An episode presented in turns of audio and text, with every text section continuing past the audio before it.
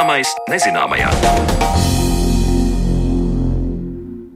Esiet sveicināti redzījumā, zināmais nezināmajā. Ar jums kopā esmu es, Sandra Kropa, un mēs šodien pievēršamies mūsu organisma vissmalkākajām struktūrām, kas kopā strādājot nodrošina mūsu izdzīvošanu, un proti šūnām.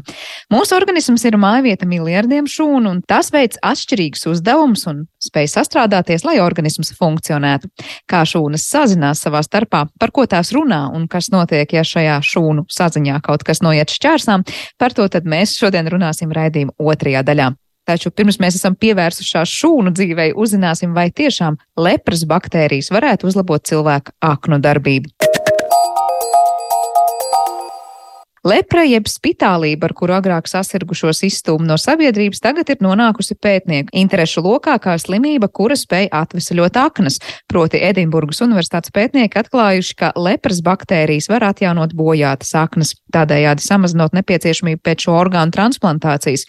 Ko par šo atklājumu saka mūsu mediķi? Par to interesējās mana kolēģe Zanelāts Baltāksne. Interneta vietnē Science Daily, kur tiek publicētas ziņas no pasaules vadošajām universitātēm, zinātnēm un pētniecības centriem par jaunākajiem atklājumiem zinātnē, veselībā, vidē, tehnoloģijās un citās jomās, nesen laida klajā rakstu par to, ka Edinburgas universitātes pētnieki ir atklājuši senas infekcijas slimības lepras baktēriju pozitīvo ietekmi uz aknu darbību. Vai tas nozīmē, ka nākotnē ar lepras baktērijām varēs ārstēt aknu bojājumus? To attālināti ierakstītā sarunā vaicāju infektoloģijai un hepatoloģijai Rīgas Stradiņa universitātes profesorei Angelikai Krūmiņai. Bet pirms skatām sīkāk šo jautājumu, neliels dosie par lepru, jeb kā to agrāk dēvēja par spitālību. Tās skar ādu un perifēro nervu sistēmu. Tās simptomi attīstās lēni, un lepras slimnieks var gadiem ilgi dzīvot, nenojaušot, ka ir sasirdzis ar šo kaiti. Lepru mēdz dēvēt arī par Hansena slimību, par godu norvēģu ārstam Gerhardam Armaueram Hansenam, kurš pirms 150 gadiem atklāja lepras izraisītāju baktēriju. Vairāk par šo slimību stāsta Angelika Krūmiņa. Izraisītājas ir skābi izturīgas, nūjiņas un sauc par mikobakteriju lepre. Raksturīgais ir tas, ka šīm nūjiņām, ja baktērijām ir lēna vairošanās. Tas nozīmē, ka viņas aug lēni. Un eh, kā izpētes objektam, nu, ir pateicīgas, jā, ar savu lēno augšanu. Un tā dalīšanās aptuveni reizi 13 eh, dienās. Tas nozīmē, ja salīdzinām ar citām baktērijām, tad eh, šīs baktērijas nevar izcelties ar ātru vairošanos, līdz ar to ir tā pozitīvā īpašība. Laiks no inficēšanās brīža līdz parādās cilvēkam pirmās pazīmes ir ļoti garš, un proti tas ir no viena gada līdz pat 20 gadiem. Un uh, visbiežāk šīs baktērijas bojā ādu un arī perifēros nervus. Slimībai sākotnēji raksturīgi ir izsitumi uz ādas, kā arī tiek traucēta jutība. Ja lepru neārstē, tad izsitumi top arvien lielāki un kropļu ādu, varbūt palielināti limfmezgli, notiek deguna deformācija, aizsmakums, atrofējas muskuļi, pacientam varbūt arī psihozes. Taču, kā bilsta Angelika Krūmiņa, parasti vienam pacientam nav viss šis plašais simptomu spektrs, un turpinājumā viņa skaidro, kā nevar inficēties ar šo slimību. Nav precīzi zināms, kā Hansena slimība izplatās starp cilvēkiem, tātad no cilvēku uz cilvēku. Bet zinātnieki pašlaik domā, ka tas var notikt, ja cilvēks ar šo Hansena slimības ierosinātāju klepo vai šķauda, un savukārt veselais cilvēks ieelpo šīs baktērijas, kas ir tajos klepus pilienos, ka tādā veidā notiek šīs infekcijas pārnes no cilvēku uz cilvēku. Un būtiskākais, ko gribās atzīmēt, lai saslimtu ar lepru, ir nepieciešams ilgstošs un ciešs kontakts ar kādu, kurš ir inficēts. Tātad tas nenotiek ienākot ļoti īsu laiku mazā telpā, ieklapojās pašķauda un uzreiz otrs ir slims. Ja? Tātad tajā telpā ir jāatrodās ilgu laiku, ilgstošu stundu kontaktā, ja, ja mēs salīdzinām, piemēram, ar eh, Covid infekcijas ierosinātāju vīrusu. Ar lepru arī nevar inficēties, sarokojoties vai sēžot līdzās šīs slimības pacientām. To nevar dabūt seksuālo kontaktu ceļā, un māte dzemdējot šo kaiti nevar nodot savam bērnam. Pasaulē ik pa laikam parādās jauni lepras gadījumi, un mūsdienās visbiežāk tas notiek piecās valstīs, teica Angelika Krūmiņa - Indijā, Brazīlijā, Indonēzijā, Nepālā un Bangladešā. Atgādināšu, ka Latvijā, Baltijas valstīs pēdējais leprozorijas, kas darbojās Laidzes pagastā, pacientu trūkuma dēļ tika slēgts 2007. gadā. Tik tālu par šīs slimības vēsturi, bet, kā jau sākumā minēju, aplūkosim nesen publicēto rakstu interneta vietnē Science Daily, kurā ir teikts, ka Edinburgas Universitātes reģeneratīvās medicīnas centra speciālisti, eksperimentējot laboratorijas apstākļos ar dzīvniekiem, ir konstatējuši, ka baktērija, kura izraisa lepru, šūnu līmenī spēj ietekmēt bojātas aknas un palielināt šī orgāna reģenerāciju jeb attīstību atjaunošanu. Kā šo atklājumu vērtē infektoloģe un hepatoloģe Angelika Krūmiņa? Tas, kas tiek eksperimentēts laboratorijās, visbiežāk ir, nu, tā teikt, sākums lielajai zinātnē. Eksperimentālie modeļi, jeb tas, kas strādā in vitro un ar ko nodarbojās pētnieki, eksperti, nevienmēr ir sasaistāms un tūlītēji redzams rezultāts in vivo, tātad tā teikt dzīvajā ķermenī un domājot par cilvēkiem.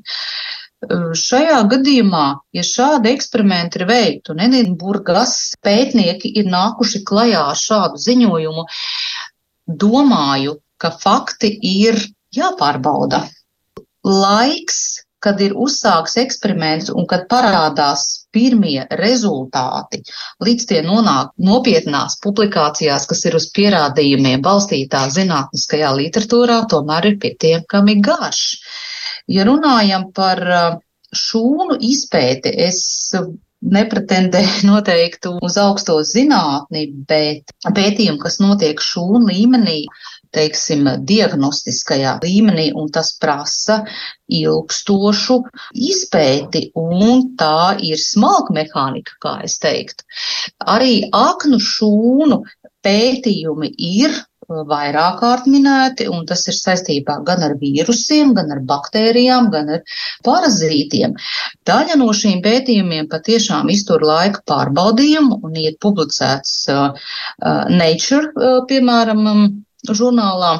Ļoti tādas piemērotas, man pat liekas, un uh, arī praktiskajā dzīvē izmantojams metodes, un tajā skaitā ārsniecībā pielietojamās, tā teikt, zāles, bet tas ir viss sācies, nu, ar lielu laika sprīdi kas attiecās par šo jauno pētījumu, vai lepras baktērija tādā vai citādā mērā spēja ietekmēt aknu šūnu reģenerāciju līmenī, ja pacientam ir, piemēram, nu, hronisks jau autoimūns, ilgstošs aknu iekaisums, un tādējādi mēs varētu cerēt, ka zināmos apstākļos, kas nav eksperimentāli, kas nav laboratorijas pētniecības modeļos veidoti, bet dzīvajā ķermenī varētu strādāt, protams, paliek vēl, kā zināmais, nezināmajā. Bet kā jūs pati domājat, ja mēs skatāmies jau uz to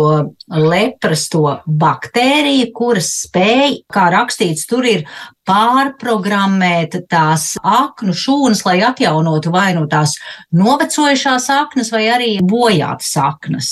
Aknas ir uh, unikāls uh, orgāns, jeb tā saucamā unikālā bioķīmiskā mm. laboratorija, proti, jo aknu šūnām ir augsta reģeneratīvā spēja. Ņemot Tas ir, vērā, var atjaunoties, jā, reģenerēties. Var atjaunoties, jā, jā var reģenerēties.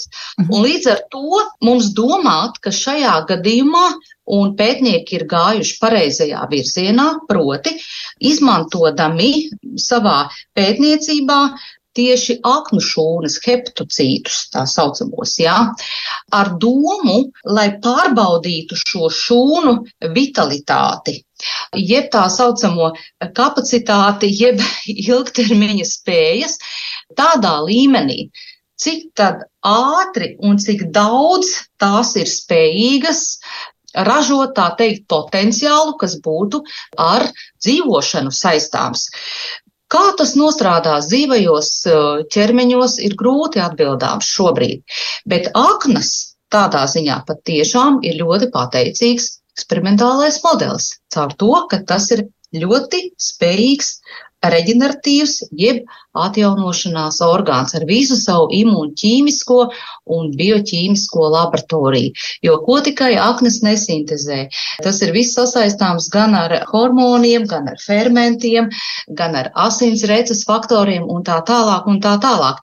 Tāpēc es redzu gan no praktiskā, gan no zinātniskā viedokļa, ka iespējams varbūt ne tik jau garā laikā, bet iesmi varētu būt jau tas nākošais, kad varbūt aiznākošais, kad ka pacienti, kuri gaida šajās ilgtermiņa rindās uz aknu transplantāciju vai, teiksim, uz um, uz citām līdzīgām procedūrām, kas ir sasaistāms ar ķirurģisku iejaukšanos, un viņi sagaidītu lūk šo te brīnišķīgo pieeju, ka šī te aknu, teiksim, tā teikt, aizvietošana notiktu kaut kādā mērā lūk ar šīm te, nu tā saucam, bio, jeb dzīvajām baktērijām. Varbūt, ka tas nostrādātu tādā līmenī, bet, nu, tajā virzienā tiek strādāts un domāju, ka stratēģija būtībā ir pareiza. Edinburgas Universitātes speciālisti pauž domu, ka lepras baktērijas palīdz aknām atjaunoties un vienlaikus nerada negatīvas sekas laboratorijā esošajiem dzīvajiem dzīvniekiem. Tad iespējams nākotnē šo pētījumu varētu izmantot, lai izstrādātu drošāku ārstniecisko metodi, kas atjauno novecojošas saknes un atjauno to bojātos audus bet kāpēc tieši no visu bagātīgo baktēriju klāsta, kas nemitīgi tiek pētītas, ir jāizmanto tieši lepru izraisošās baktērijas? Tā vaicā mana sarunu biedrene Angelika Krūmiņa kāpēc ir izvēlētas tieši mīkobaktērijas. Ar ko tad tās ir tik ļoti, nu tā teikt, izcēlušās, vai kas ir to mikrobioloģiskās īpašības, tādas, kurām tiek piedāvāts, es pat neteiktu brīnumspējas, bet nu, tādas medicīniskās un praktiskās pielietojuma spējas. Ja. Jāatzīmē gan, ka jo īpaši arī ne tikai Edītburgas, bet, piemēram, Amerikas pētnieki daudz izcēlušies, ka viņi jau eksperimentē ne tikai ar, teiksim, zināmām mums baktērijām, bet tur ļoti daudz strādā ar vīrusiem, ļoti daudz pat ar parazītiem strādā sasaistē ar mūsu šūnām, kas kas ir eksperimenta dzīvniekiem. Mm, te gribētos vairāk gan skaidrojumu arī no, no tiem, kas ir šīs publikācijas ielikuši mums iepazīties ar tām, kāds ir pamatojums īsti par bikobaktērijām. Šis jautājums arī pagaidām ir kā zināmais nezināmajā.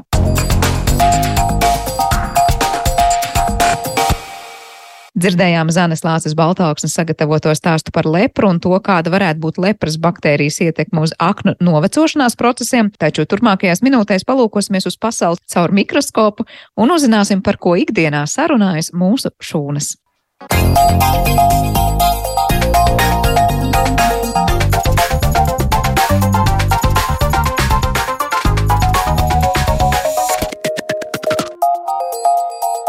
Zināmais nezināmajā.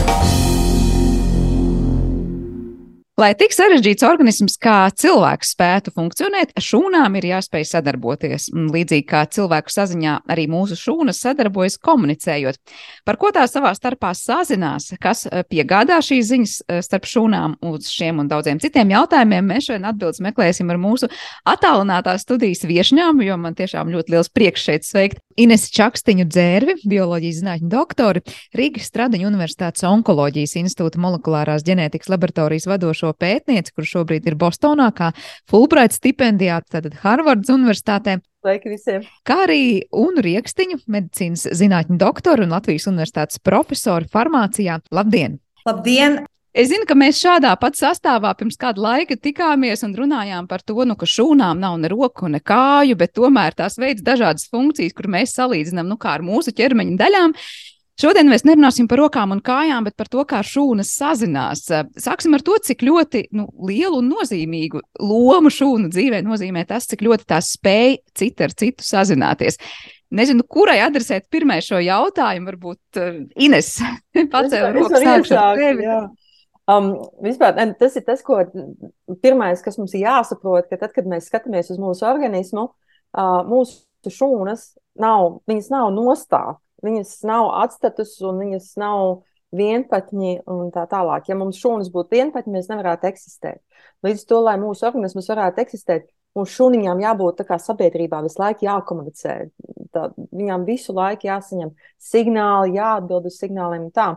Ja mēs runājam par šūnu sarunām, mēs varam runāt par diviem līmeņiem. Uh, viens līmenis ir šūnu savstarpējās sarunas, un otrs līmenis, kas šūnā iekšā notiekās tās sarunas. Tā, tāpat kā mums cilvēkiem ir mūsu iekšējie dialogi, un, un, un dialogu un teiksim, komunikācija ar apkārtējo vidi. Tieši tāpatās arī mūsu šūnās. Mūsu šūnām ir savi iekšējie dialogi un arī šī komunikācija apkārt. Jā, tas ir ļoti labs salīdzinājums, ko laikam katrs var iztēloties. Nu, kā tas ir pie sevis padomāt, vai cik ļoti ir svarīgs tas laiks kaut ko pie sevis parunāt vai padomāt. Tad izrādās šūnām arī ir svarīgi pabūt pašām ar sevi, ja tā var teikt. Tas notiekās vienlaicīgi. Uh, man liekas, tas notiekās vienlaicīgi. Tas ir tieši tāpatās, kā mēs šeit runājam. Uh, Zandra uzdod jautājumu, un es pie sevis fiksēju, izdomāju tā, ka atbildes virzienu un tā tālāk. Un šūnai tieši tāpatās šūnai atnāk signāls, un viņi jau tik, tik, tik, tik, tik jau dod atbildi, un, un, un tā. Tas tā vispārīgos virzienos varētu būt. Un varbūt gribēs ko piebilst pie šī piemēra, vai varbūt ir kāds cits piemērs, kas nāk prātā par to, kāda šūnas komunicē un cik ļoti nu, būtiski tas ir šūnu dzīvei. Nu, mēs uh, esam daudz šūnu organismi. Ja iedalās bioloģijā, jā, organismi, tad tie ir uh, viens šūņi un daudz šūņu, un mēs piedaram pie tiem. Mēs kā organisms varam pastāvēt tikai tādēļ, ka šūnas spēj koordinēt, rīkoties, un šī komunikācija palīdz arī koordinēt šo rīcību, kas ir tātad mums kā cilvēku organismam nodot signālus, ka mēs varam elpot, pārstrādāt enerģiju, kustēties, vairoties, jā, mīlēt izgaršot kaut ko, jā, tad, tad, tas viss ir tāds šūnu komunikācijas rezultāts. Jā, tad patiesībā jā. mēs visu laiku esam saziņā ar šūnām. Piedodies, laikam, gribēju ko piebilst. Jā, tas ir ļoti labs tāds, tāds piemērs. Piemēram, ja mēs paskatāmies uz sirdi, jā, mums sirdī ir daudz dažādu tipu šūnas, tad, lai tā sirds mums varētu pukstēt, viņām visām jāstrādā koordinēti. Jo, ja mums tās šūniņas nestrādās koordinēti, nu, teiksim, viena, šūn, viena tipa šūnas izdomās sarauties tagad, otru tipu šūnas izdomās sarauties vēlāk. Mēs nonāksim pie tā saucamās aritmijas, ja nu, būs pārliecieni un cilvēks nejutīsies pietiekoši labi. Nu, tas tāds viens tāds, man liekas, tuvs piemērs, kas varētu būt cilvēkiem saprotams kaut vai tiem sirdspukstiem. Ja? Tātad mums arī sirdī jābūt tai koordinācijai, tas, ko Una teica, jā, tā tad jābūt vienotam. Jo, ja mums nav vienots, tad, tad, tad mēs varam iedzīvoties ziepēs un nepatīkamās sajūtās. Bet kas jā, ir tas? Tā, jā. Atvainojos, jā, tāds tēlēns piemērs, ko katrs var iztēloties, kā manī šūnas sarunājās, ir, piemēram, es saku, tagad pacelu roku, es nodomāju, un es paceļu roku. Tātad manas smadzenes nodeva signālu rokas muskulim, tagad pacelt roku. Tas ir tieši šūnu komunikācijas rezultāts. Jā, tad arī pat tādas acīm redzamas lietas mēs darām, tāpēc, ka šūnas ir sapratušas mūsu signālus. Bet tas, ko Inês pirms brīža teica par tām sirds šūnām, bet, nu, labi, lai sirds šūnas savstarpēji tur mm, sarunātos tā un viens no otru laiku saprastu, tomēr, nu, ir kaut kāds koordinators, kas to sarunu, nu, tad diriģē, vai tomēr tās pašas šūnas spēj tik ļoti organizēties un saprast, lai nav tā, ka pēkšņi visas runā vienlaikus vai pēkšņi klusē pilnīgi visas, nu, kā tas dažreiz cilvēkiem gadās. Kāda tur ir tās nu, koordinēšanas varbūt, mehānisms? Es varbūt varētu tādu ievadiņu, nu, un tad tālāk varētu par to lielo direktoru parunāt. Ievadiņš vienkārši pirmais, lai mēs saprastu, mums vajadzētu saprast to komunikāciju, kāda ir tie vārdi starp šūnām. Jo mums, mēs komunicējam ar valodu, tad šūnas valoda lielākoties sastāv no ķīmiskajiem elementiem, gan neorganiskiem, gan organiskiem, tātad joni, vai, vai, vai, vai teiksim, mēs varam runāt arī jau tādām sarežģītām ķīmiskām molekulām, kā proteīniem, jeb olbaltumvielām, plus vēl arī fiziskie un tā. Tā, tie, tā ir tā šūnu valoda, ja, un, un teiksim, šūnu uztver to ķīmisko signālu, nu, vai tas būs jons, kas mēģina nākt iekšā caur membrānu, vai tas būs proteīns, kas saistās pie šūnas vai kaut kā tam līdzīga. Un tā ir tā šūnu valoda. Un kas to visu diriģē, man liekas, tas varētu būt vairāk saistīts ar neiroloģiju, ar, ar, ar smadzenēm. Organismu līmenī noteikti, jā, tās jā. ir smadzenes, taču katrai šūnai ir specializācija. Tas mums ir ielikts šī programma organismu attīstības laikā ka mums eh, izveidoties tātad embrijam un embrijā tālāk veidojoties orgānu sistēmām, katrai jau ir ielikta programma, ko šī šūna darīs ļoti specializēti. Varētu teikt, ka šūnas jau sadalās pēc profesijām, un tad katra rīkojas atbilstoši savai specializācijai. Un, piemēram, jā, nekad no muskuļu šūnas negaidīs to, ko dara smadzeņu šūna, jo darbojas pilnīgi tās programmas, kas ir muskuļu šūnai. Tas ir viens tāds lielais organizatoriskais līmenis jau tādā attīstībā, kas ir ielikts. Pēc tam individuāli, jā, ir šīs molekulas, vai šie ķīmiskās molekulas, vai tas var būt arī fiziski, kā Inese teica, jā, tāda mehāniskais spēks, temperatūra arī var ietekmēt dažādi. Mums ir šie sensori un receptori, un tad šūnas ar saskaršanos viena otrai var nodot signālus, var nodot elektriski arī kā nervu impulsi, un var nodot arī izdalot kādu molekulu, kas tad piesaistās pie nākamās šūnas virsmas, un tad šūna domā, jā, ko man pateica, iztulko šo valodu un tā kā atbild, ja, un tad cits šūna domā, bet tas atkarīgs, tas domāšanas ilgums arī no šūnu tipa ir tās, kas atbild ļoti strauji, kā piemēram nervu impulsiem. Ja tas elektriskais impulss aiziet ļoti ātri un muskulis kontrahējās, ir šūnas, varbūt, kas domā un atbild lēnāk. Ja? Un, jā, tas ļoti ārkārtīgi interesanti. Ja. Tie lēnie domātāji, jā, droši. Nē, vienkārši vēl piebildu, kā viens tāds labs piemērs, ja tātad, kas to diriģē, mēs varam paskatīties uz embrionālo attīstību. Jo tā, ka mēs, tā, ka mēs veidojamies, ja mēs esam tāda maza bumbiņa, pašā sākumā. Tas ir tāds šūnu čupiņa. Un tad ir kaut kāds moments, kad mēs sākam, mums sāk jau parādīties tā kā augša un apakša. Ja? Un, un to, kas, kas notiek augšā un kas notiek apakšā, to arī diriģē to, kas ir apkārt šūnai. Ja? Tā visa vide, kas ir starp šūnām, kādi ķīmiskie elementi, cik daudz ķīmiskie elementi. Jo vienām šūnām vajadzēs teiksim, divas molekulas, un citām šūnām vajadzēs, piemēram, 50 molekulas, lai viņas varētu darīt to savu darbu. Ja? Tas nav viens diriģents, bet viss darbojas kopumā holistiski. Bet eh, pieminējāt abus šos embrijus, tad sanāk tā komunikācija embrionālā līmenī starp šūnām ir, es nezinu, vai vienkāršāk vai sarežģītāk, kā tad īsti sanāk, vai, vai intensīvāk vai mazāk intensīvi. No vienas puses varbūt tur tikai specializējās šīs šūnas, un var teikt, nu katrā grupā, nu tad, kā saka, pa, pa ieieto maršrutu arī komunikācija notiek. Kā tas ir pēc tam salīdzinot ar, nu tālāk jau augošu organismu un pieaugušu cilvēku? Uh, un? Es Oh. Jā, nu tā, tā arī ir. Jā, sākumā varbūt ir tādas vienotas signāla sistēmas, un tad jau atdalās tās šūnas, kas saprot, kas ir augšs un apakš, un viņas jau sāk komunicēt viena ar otru, ka tu esi augšs un tu esi apakš, un tad cits atkal tu esi pa labi, tu esi pa kreisi, tad izveidojas eksperimentāšu iedīgļi, ja, un tad pozicionējās. Un tad jau tā signāla programmas arvien attīstās, arvien specializētāk. Es domāju, sāks no tādām universālām, un tad aiziet pa tādiem specializētiem uh, ceļiem, te varētu vilkt arī paralēlis, varbūt jau ar kaut kādu komputeru uh, programmām, jā, kad tad palaižās tās programmas, jā, un viņas jau tālāk, jo tādas specializētākas, un atpakaļ neaiziet dzīves laikā, jā, jo, ja aiziet, tad tas ir jau pavisam, jau tad ir problēma, komunikācijas problēma, uh, šūnu līmenī nozīmē, ka tas varētu būt audzējs, ja, kas vairs neklausa nekādam signālam, vai arī kāda šūna, kas neietvers kopsolī ar citām, kā pieminēja jau Ines, šis aritmijas piemērs sirdī, ja, un tad vairs neštimē tā sakot, ja, un sākās kādas veselības problēmas, ko izjūt orgāna līmenī un pēc tam jau organismu līmenī.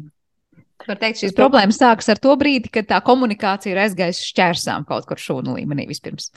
Jā, Ines. tā var teikt. Jā, problēmas sākas ar šūnu, ar šūnu komunikāciju. Jā. jā, vēl viens, es domāju, ļoti labs piemērs, kur šūnu komunikācijas traucējumi tiešām ir vizuāli redzami, ir tā saucamā diezgan drausmīga slimība, multiplā skleroze. Jā, tātad, kur šūnas jau ir, um, nevar nodot šo komunikāciju, un tāpēc arī cilvēkam, teiksim, ir šie te, uh, um, klīniskie simptomi, ja tātad pēc multiplās sklerozes, kad tur ir pa laikam kaut kāda daļēja paralīze vai, vai nekontrolēta, teiksim, kustības sākumā, kas beigās noved pie pilnīgas paralīzes. Ja, tas ir tāds, nu, tāds ļoti smags gadījums, kurā mēs redzam, ja šūnas nekomunicē tā kā tām jā, jākomunicē, tad pie kā tas viss var novest.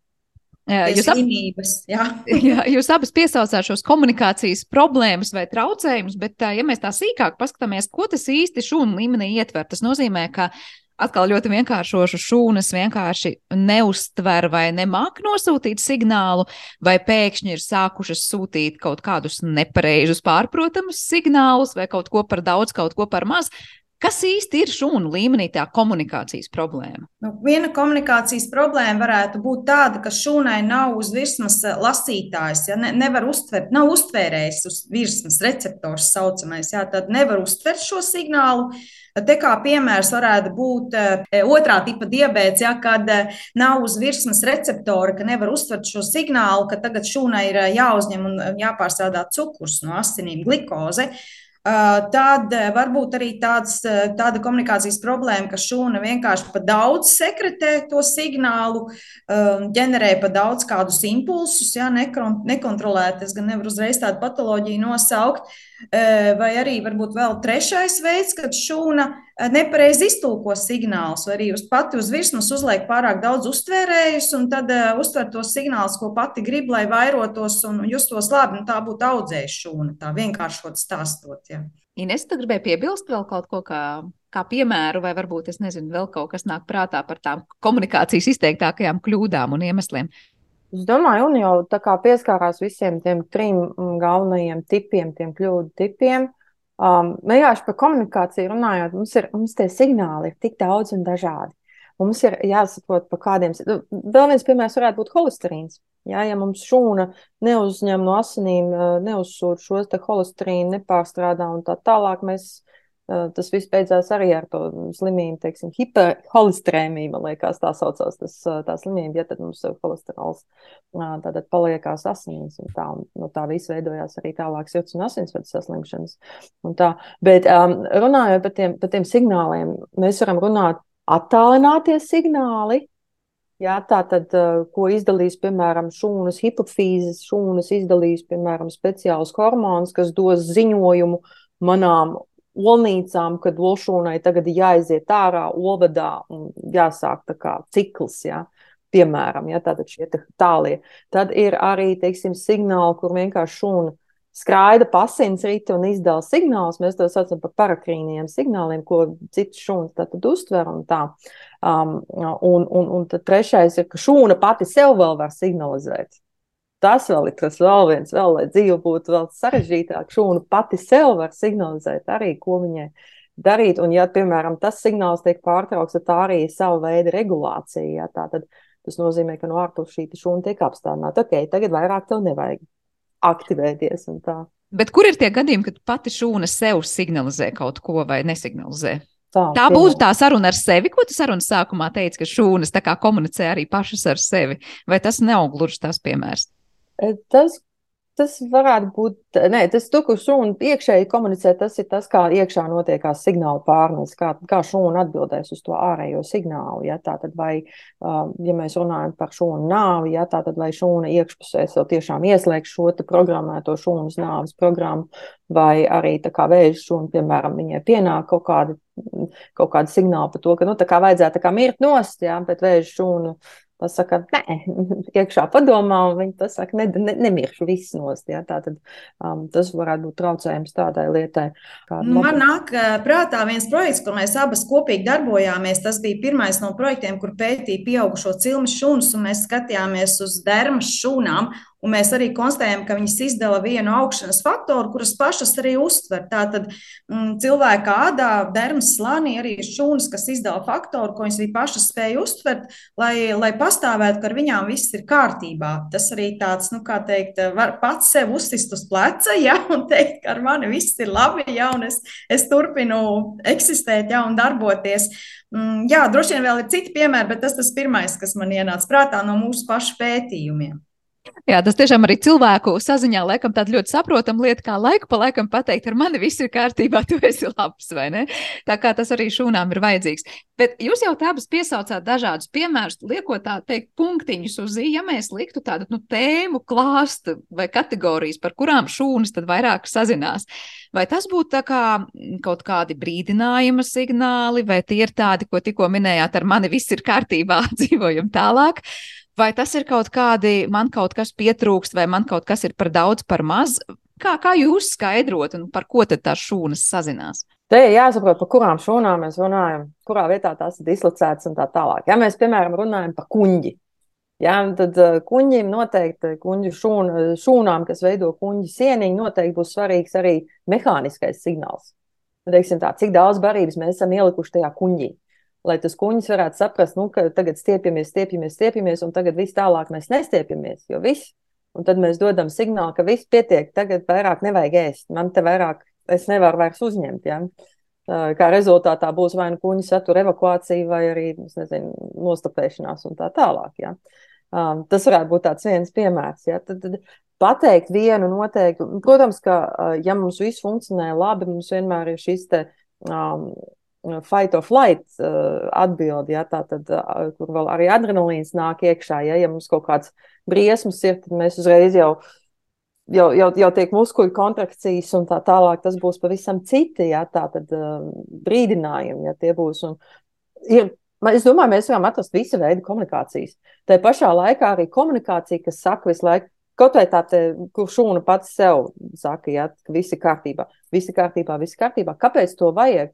Tāpēc, ka uh, šūna pati sev sakot, ja, ja mēs pārlaužam, ja mēs pārtraucam šo šūnas pašu saiti ar sevi, šo pašu, paškomunikāciju, tad šūna apstājās darboties. Un reizēm to vajag. Ja, tā tad ārējais signāls, kas pārtrauc šo te, jā, es daru visu labi, es daru visu labi. Un reizēm tā, tai šūnai nevajag darboties, mums kaut kāds signāls, kas pateiks, ok, tagad tev vajag pasēdēt mierīgi.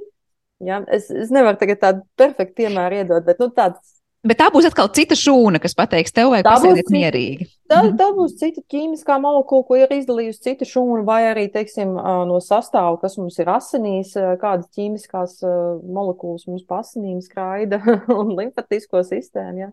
Jā. Es varētu papildināt, jā, ka tas komunikācijas veids tiešām ir atkarīgs no orgāna. Ja, piemēram, mēs zinām, ka nervu sistēma pārsvarā komunicēs ar šiem elektriskajiem signāliem vai ķīmiskajiem, tāpat muskulis reaģēs uz šo ķīmisko vai, vai elektrisko signālu no nervu šūnām. E, savukārt asinīs imūnsistēmas šūnas viena otru uzmundrinās un kontrolēs ar e, proteīnu dabas ar, e, signālu molekulām. Un atkal, um, teiksim, kuģis atbildēs uz mehānisku iestiepienu, uh, āda mums atkal ir receptori, mēs reaģēsim uz karstumu, augstumu vai atkal uh, arī uz tausti, ja taktīlie receptori. Uh, organisms, tā katra sistēma ir pielāgojusies jā, šiem, šiem signāliem un kā viņus nolasīt.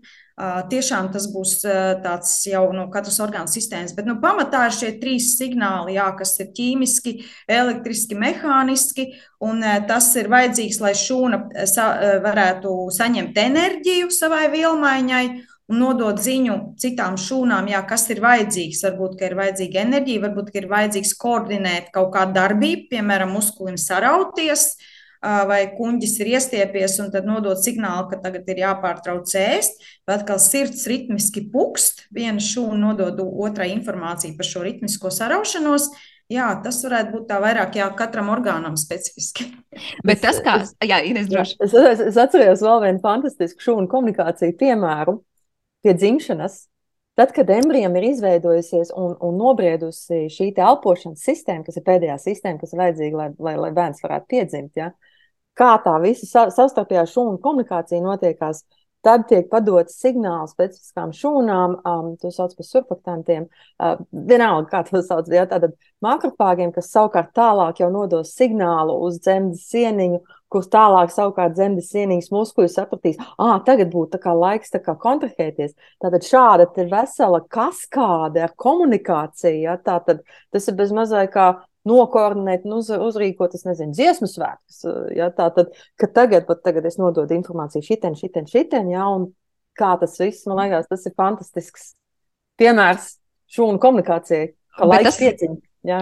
Tas tiešām ir tāda nu, ļoti liela mašīna, sarežģīta. Es pat nevaru teikt vārdu mašīna, kas tiešām ir kaut kas daudz, daudz, daudz nu, filigrānāks un sarežģītāks, lai tas viss kopā darbotos. Bet vai var teikt, ka tajā šūnu komunikācijā vienalga, vai tur komunicēs kuģis vai kas cits, nu, kā tāds starpnieks vienmēr būs tās nervu šūnas arī iesaistīts. Jūs iedomājaties, jūs teicāt, paceļu roku, nu, liekas, jā, komunicē rokas muskuļi, bet bez smadzenēm neiztikām. Ja? Vai tagad, piemēram, mums būs kaut kāds signāls, es nezinu, vai elpošana mums kļūs lēnāka vai ātrāka, vai asinsspiediens kritīsies vai, vai, vai augsts, proti, vai mēs varam teikt, ka ir kaut kāda sistēma, kas vispār var runāt, sazināties bez tās nervu sistēmas klātbūtnes?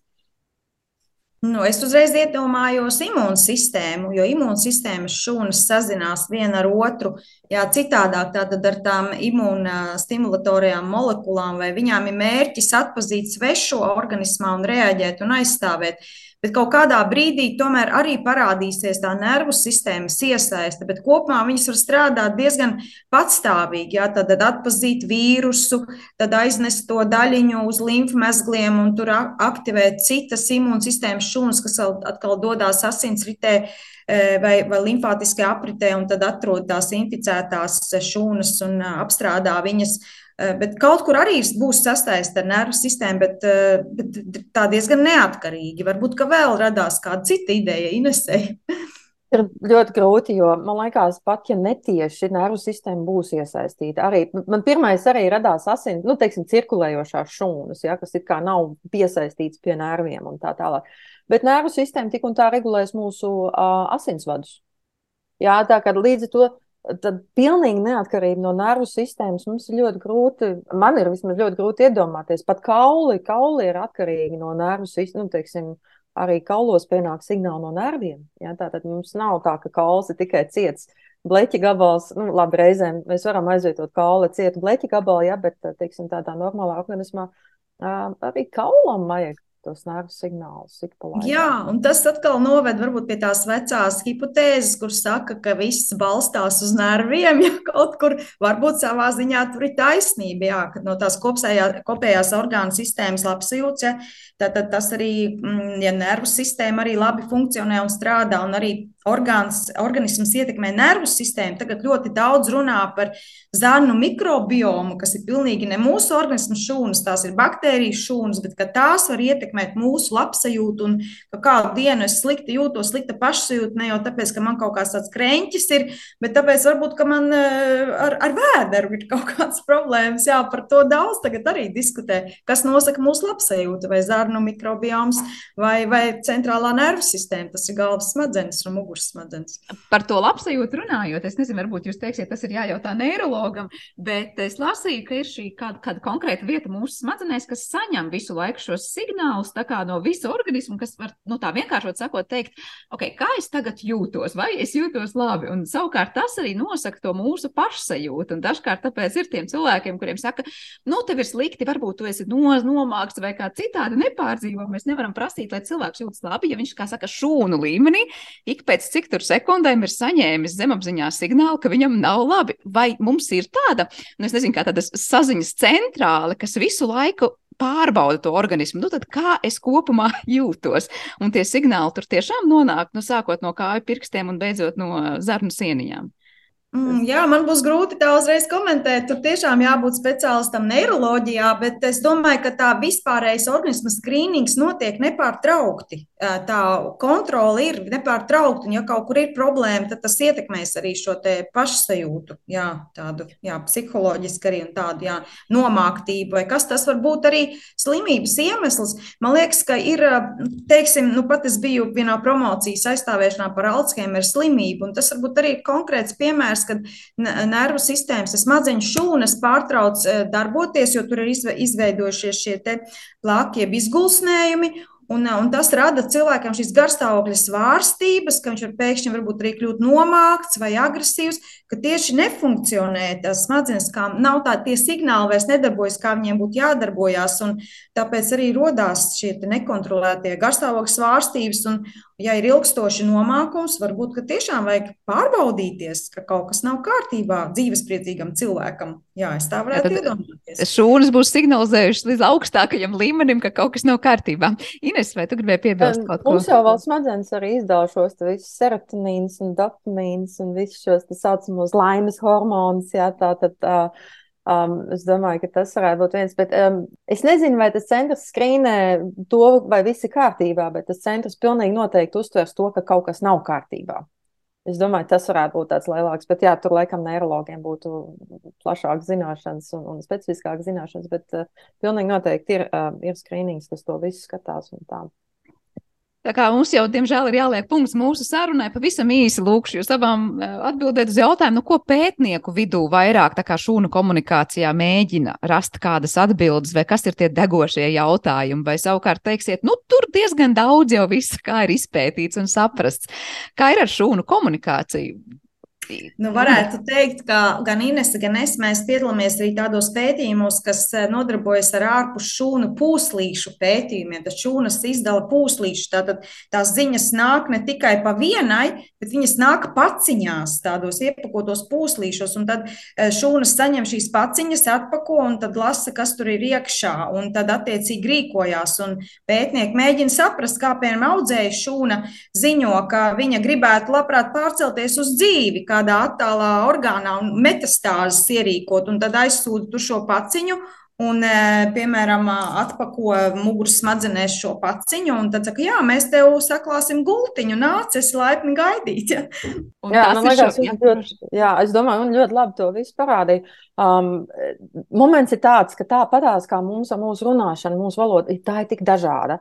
Mēs zinām pamatprincipus par šūnu komunikācijām un tā tālāk, un tagad ir daudz pētnieku uzdevums ir šķietināt šo sarunu valodu, jo ja mēs sapratīsim šo paciņu sastāvu, varbūt mēs varam šo paciņu, ko sūta vēža šūna, piemēram, uz, mu, uz muguras smadzenēm, ja? varbūt mēs varam šo paciņu iznīcināt, un tādā veidā mēs varam apstādināt šo audzēju no tādas uh, vēlmes uh, iet kaut kur citur dzīvot. Tā teikt, pārtvert to komunikāciju kā tādu spiegi, ja, kas jā, uzdarbosies. Nu, principā iemācīties pēc iespējas vairāk, un, un pēc tam to visu izmantot, lai varētu palīdzēt organismam um, veseļoties vai novērst slimības. Jā, nu katrā ziņā tiešām šūnu komunikācija mums paver tik ļoti interesantu lauku, ka te ir gan interesanti izzināt, kā mēs ikdienā funkcionējam, un savukārt zinātnes līmenī tiešām darīt milzu labas lietas, lai kādas slimības novērstu vai atkal rastu tos ārstēšanās ceļus. Paldies jums abām par šo sarunu, un es atgādināšu, ka mēs šodien bijām kopā ar Latvijas Universitātes profesoru un riekstiņu, kā arī Ines Čakstiņu dzērvi, kas šobrīd atrodas Harvardā un ir Fulbright stipendijāta, bet kopumā tātad joprojām Rīgas Tradiņu universitātes Universitātes onkoloģijas institūta vadošā pētniece. Paldies arī visiem par klausīšanos un uz tikšanos!